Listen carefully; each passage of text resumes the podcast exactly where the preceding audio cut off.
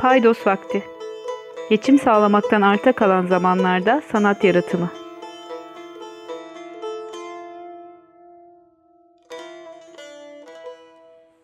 Merhabalar, ben Pelin Buzluk. Paydos Vakti'nin ikinci yayınında birlikteyiz. Bu yayında Ankara'nın gece kondu mahallelerinin tarihine bakacağız öncelikle. Ee, sonra bir zamanlar benim de evim olmuş bir gece konduya, oradaki anılara uzanacağız hafiften. Aynanın karşısında şan çalışan, solfej yapan, gün boyu türkü söyleyen güzel bir sesin eşliğinde bu gece kondunun odalarında, bahçesinde, e, mahallede gezineceğiz. Ardından bu sesin sahibi Hamza Albayrak'la söyleşeceğiz. Kendi sesinin peşinden ne kadar gidebildiğini, maddi kısıtları, sanatçının geçim kaygısı karşısında sanat icrasında yoluna dikilen engelleri konuşacağız. Öncelikle gece kondunun tarihçesine e, bakalım istiyorum. Bunu merak ettim ve e, araştırdım bu konuşmanın başlangıcına bir zemin olsun diye. E, İkinci Dünya Savaşı sonrasında Türkiye devletçilik döneminde başlayan sanayileşme çabalarına ve kırsal dönüşüme evime vermeye başladı. İzleyen 10 yıllarda özellikle 1960'lardan itibaren tarımda makine ve kimyevi gübre kullanımı, nüfus artışına paralel seyreden toprak parçalanması gibi nedenlerden kırsal yapının bozulması kırdan kente göçün ana motifi oldu.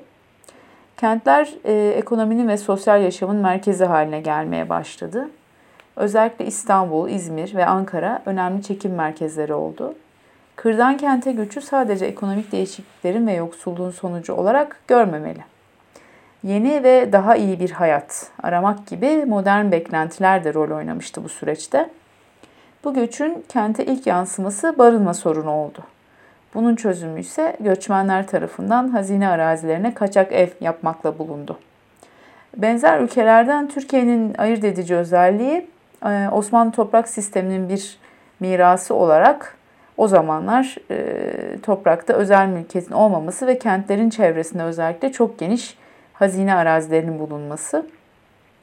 Bir gecede hazine arazilerine izinsiz yapılan, daha yapımı aşamasında kullanılabilen, içinde yaşanırken ihtiyaca göre genişletilip değiştirilebilen barınaklar kendi ismini de yarattı. Gece kondu. Bugünden bakınca bu tanım gece kondu olgusunun sosyolojik boyutlarını ve tarihçesini açıklamakta aslında yetersiz kalıyor. Kır ile kent arasında hem mekansal, ekonomik hem de sosyal anlamda kilit noktasında bir geçiş yeri, bir ara yer olarak bulunan gece konduyu sadece bir imar meselesi olarak algılamak yeterli olmaz. Gece kondu kentin bir parçası olarak farklı siyasal ve toplumsal örgütlenmelerle kentsel dinamikleri yeniden tanımlayarak gelişimini belirleyen bir olgu olarak anlaşılmalı.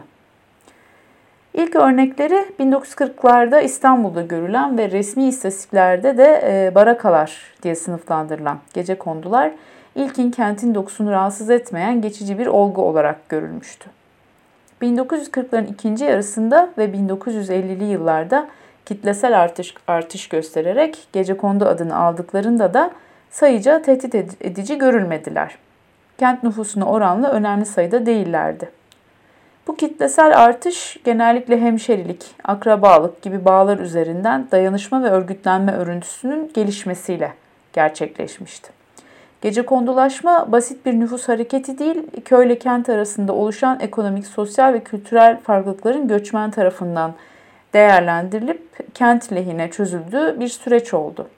Tabi bunların yanı sıra özellikle 1980'lerin ikinci yarısından itibaren Güneydoğu Anadolu bölgesinden mecburi göçlerin, göçe zorlanmaların ya da can güvenliği nedeniyle göçün farklı bir gelişimi de var.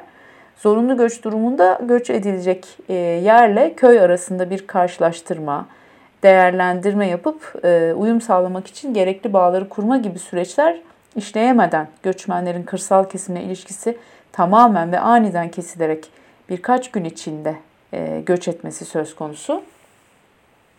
Bu türden göçe zorlananların belirli bir dayanışma örüntüsü üzerinden hareket ederek göç kararı almamaları, e, kırsalla ilişkinin devamının yarattığı güvenceden de yoksun olmaları, göç ettikleri kentte gece kondu inşa edecek olanaklardan bile yoksun olmaları anlamına da geliyor. 1990'lı yıllara gelindiğinde gece kondu giderek büyük kentlerin ana örgüsü içinde başat eğilimlerden biri haline gelmiş. Kentteki her üç kişiden biri gece kondulu olmuştu. Gece konduların toplumsal ve siyasal etkileri de artıyordu. Mahallelerin zamanla altyapıya, ulaşım ve iletişim ağlarına kavuşarak e, aflarla imar açısından meşru hale gelmesi de bu etkiyi artırmıştı. Gece kondularla ilgili ilk, ilk af yasası 1948'de Hasan Saka hükümeti tarafından çıkarıldı. Bu yasa sadece Ankara'daki gece konduları kapsıyor. Gece konduların bulunduğu hazine arazilerini gece kondu sahiplerine dağıtması ve tapulandırması için belediyeye yetki veriyordu. Tüm gece konduları yasallaştıran ilk af yasası ise 1949'da çıkarıldı. Sonraki 10 yıllarda siyasi partilerin oy almak için af çıkarma vaatlerinin yanı sıra gece konuların desteğini almak isteyen özellikle sol siyasi gruplar da 1970'lerin ikinci yarısından itibaren kent yoksullarının gece kondu yapmasına destek sağladılar. Nasıl destekler bunlar? Kimi zaman bizzat kamu arazilerini parselleyip dağıtarak, kimi zaman yapımı örgütleyerek, kimi zaman da yıkımı önleyerek bu sürece dahil oldular. Bunun sonucunda gecekondu bölgelerinden önemli ölçüde politik destek almaya başladılar. Böylece gecekondu mahalleleri kurtarılmış bölge ilan edildi ve bu süreç siyasi olarak sistem karşıtı görülmeleriyle sonuçlandı. Bu tür gelişmelerin en bariz örneği İstanbul Ümraniye'deki 1 Mayıs mahallesi olmuştur. Ankara'da da Mamak, Tuzluçayır, Abidinpaşa, Dikmen bu türden gecekondu mahallelerinin yer aldığı bölgelerdir. Ayrıca radikal İslamcılar da gece kondu mahallelerinde sol gruplarla benzer yöntemler kullanarak e, destek elde etme girişimlerinde bulunmuş, destek de elde etmiştir. Özellikle sol siyasi görüşe sahip kurtarılmış bölge olarak adlandırılan mahalleler 1970'lerin sonunda ve darbe yönetimi sırasında anarşi yuvaları olarak tanımlanmış. Toplum hafızasında başka bir şekilde kodlanarak kamuoyunun gece kondu mahallelerine bakışında ilk kırılmaya neden olmuştur.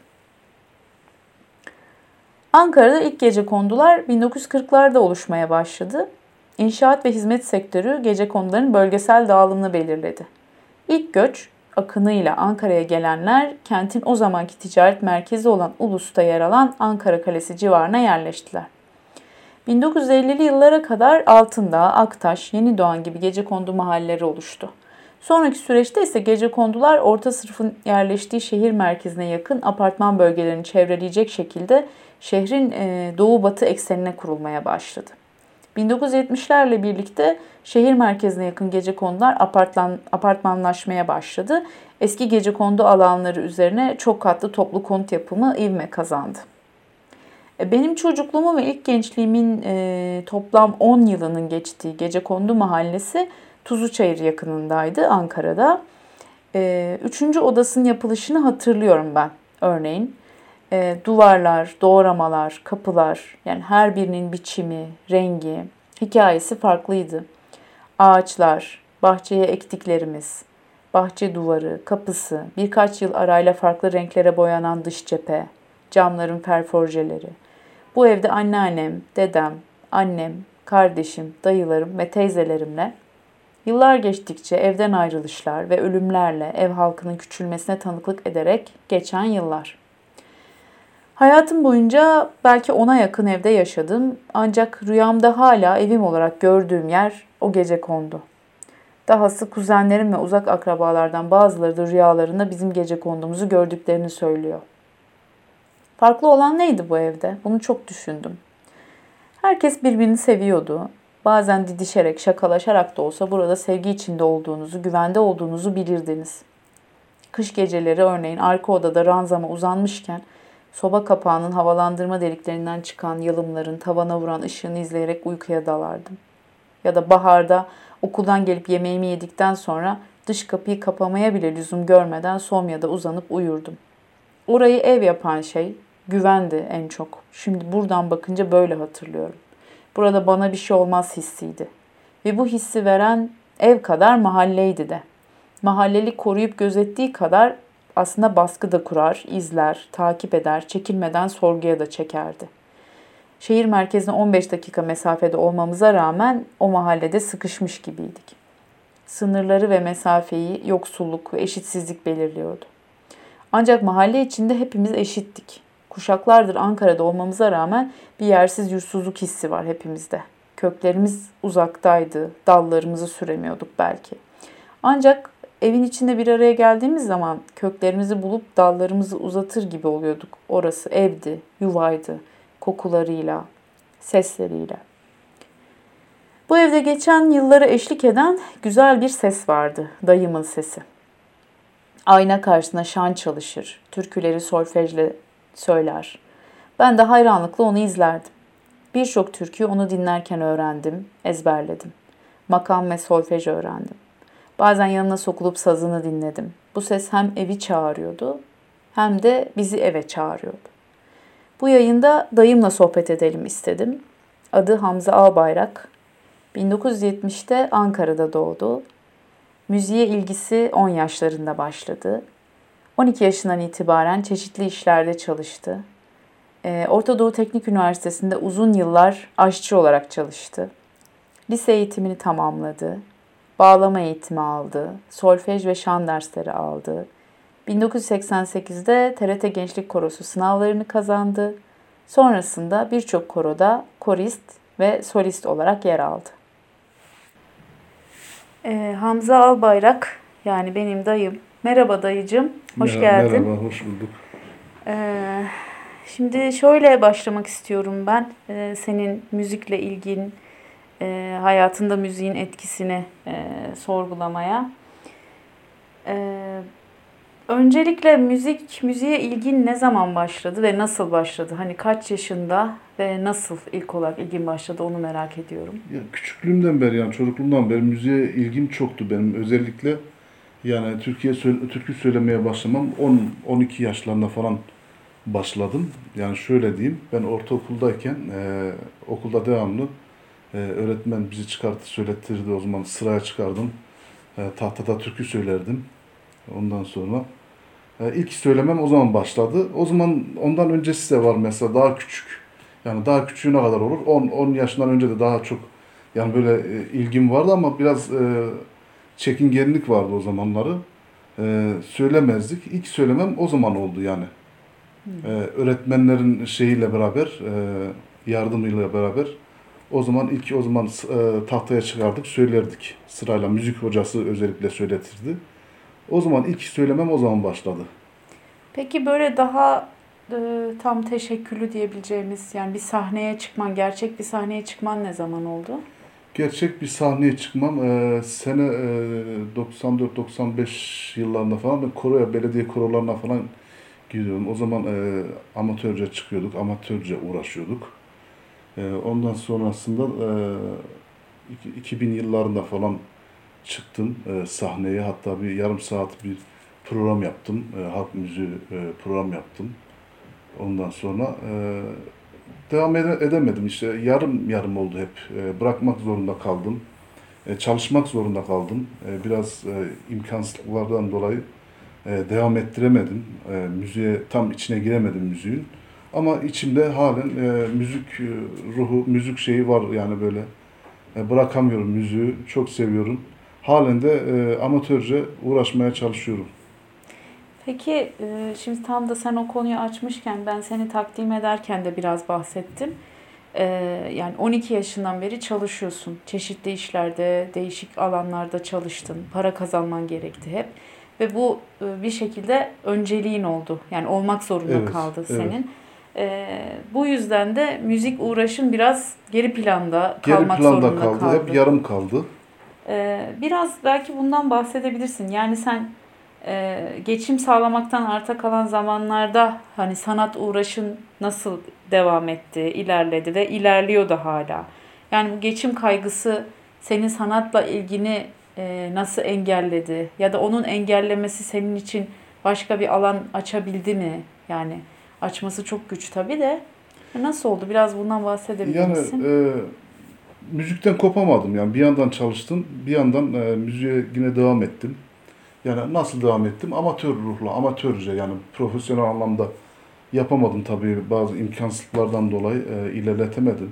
Amatör ruhla devamlı amatörce e, söyledim. Sahnelere falan çıktım korolarda falan. Halen de e, amatörce uğraşmaya çalışıyorum yani uğraşıyorum. E, daha iyi yerlere gelmek isterdim aslında. Yani müzik alanında yani bu halk müziği, halk müziğini çok seviyorum. Daha Halen çok seviyorum halk müziğini. E, Daha iyi yerlere gelmek isterdim ama yani imkansızlıklardan dolayı e, tam içine giremedim dediğim gibi müziğin içine giremedim. Bir yandan iş çalışmam gerekti. E, maddi sıkıntı, e, maddiyat biraz ön planda. İşte maddi sıkıntılardan dolayı e, tam yürütemedim yani. Onu demek onu diyeyim.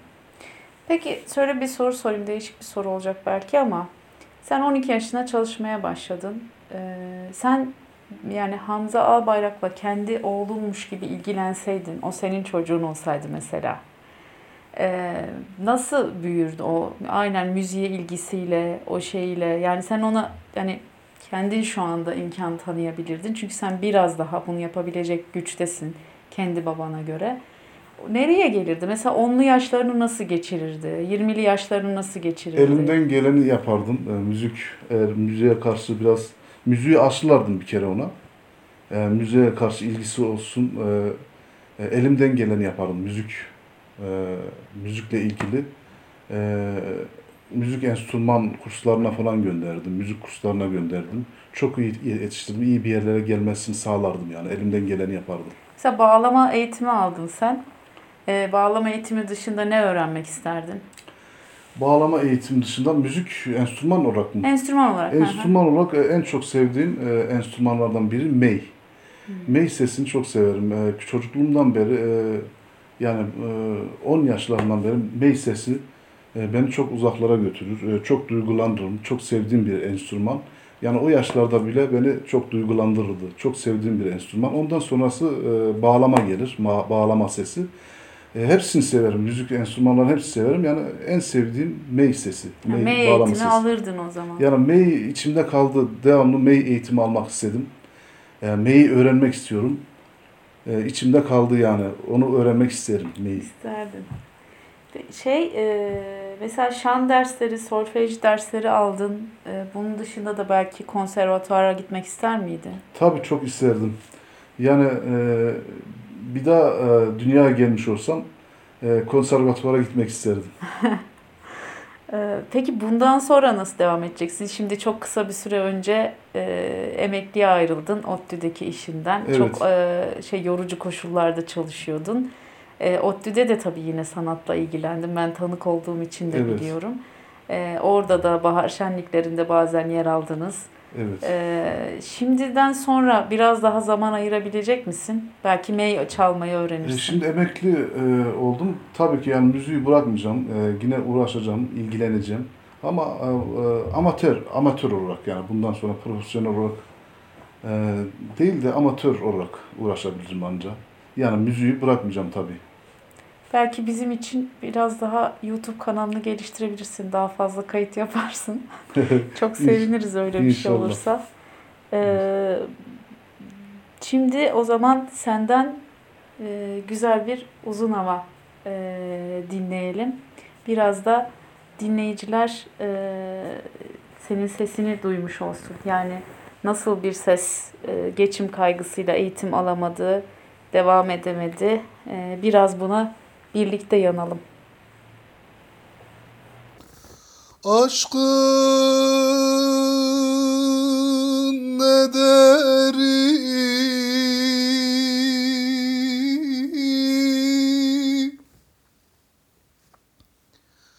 Yareler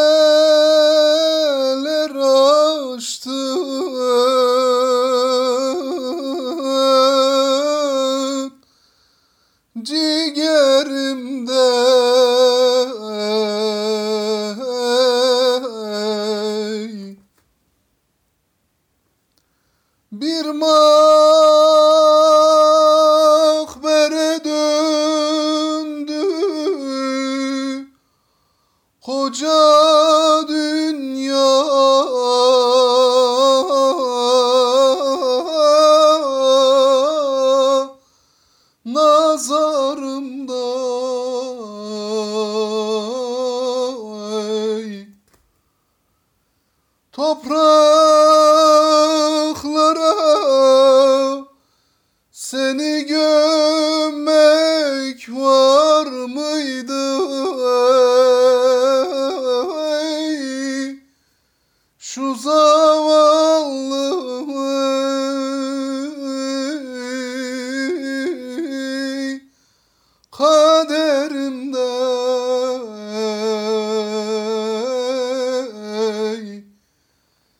Gelen ağlar Geçen ağlar. Bu zavallı halıma Kardeş Yanar mı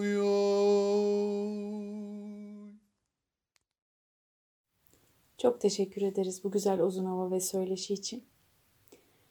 Ee, hoşça kalın. Bir dahaki yayında görüşmek üzere.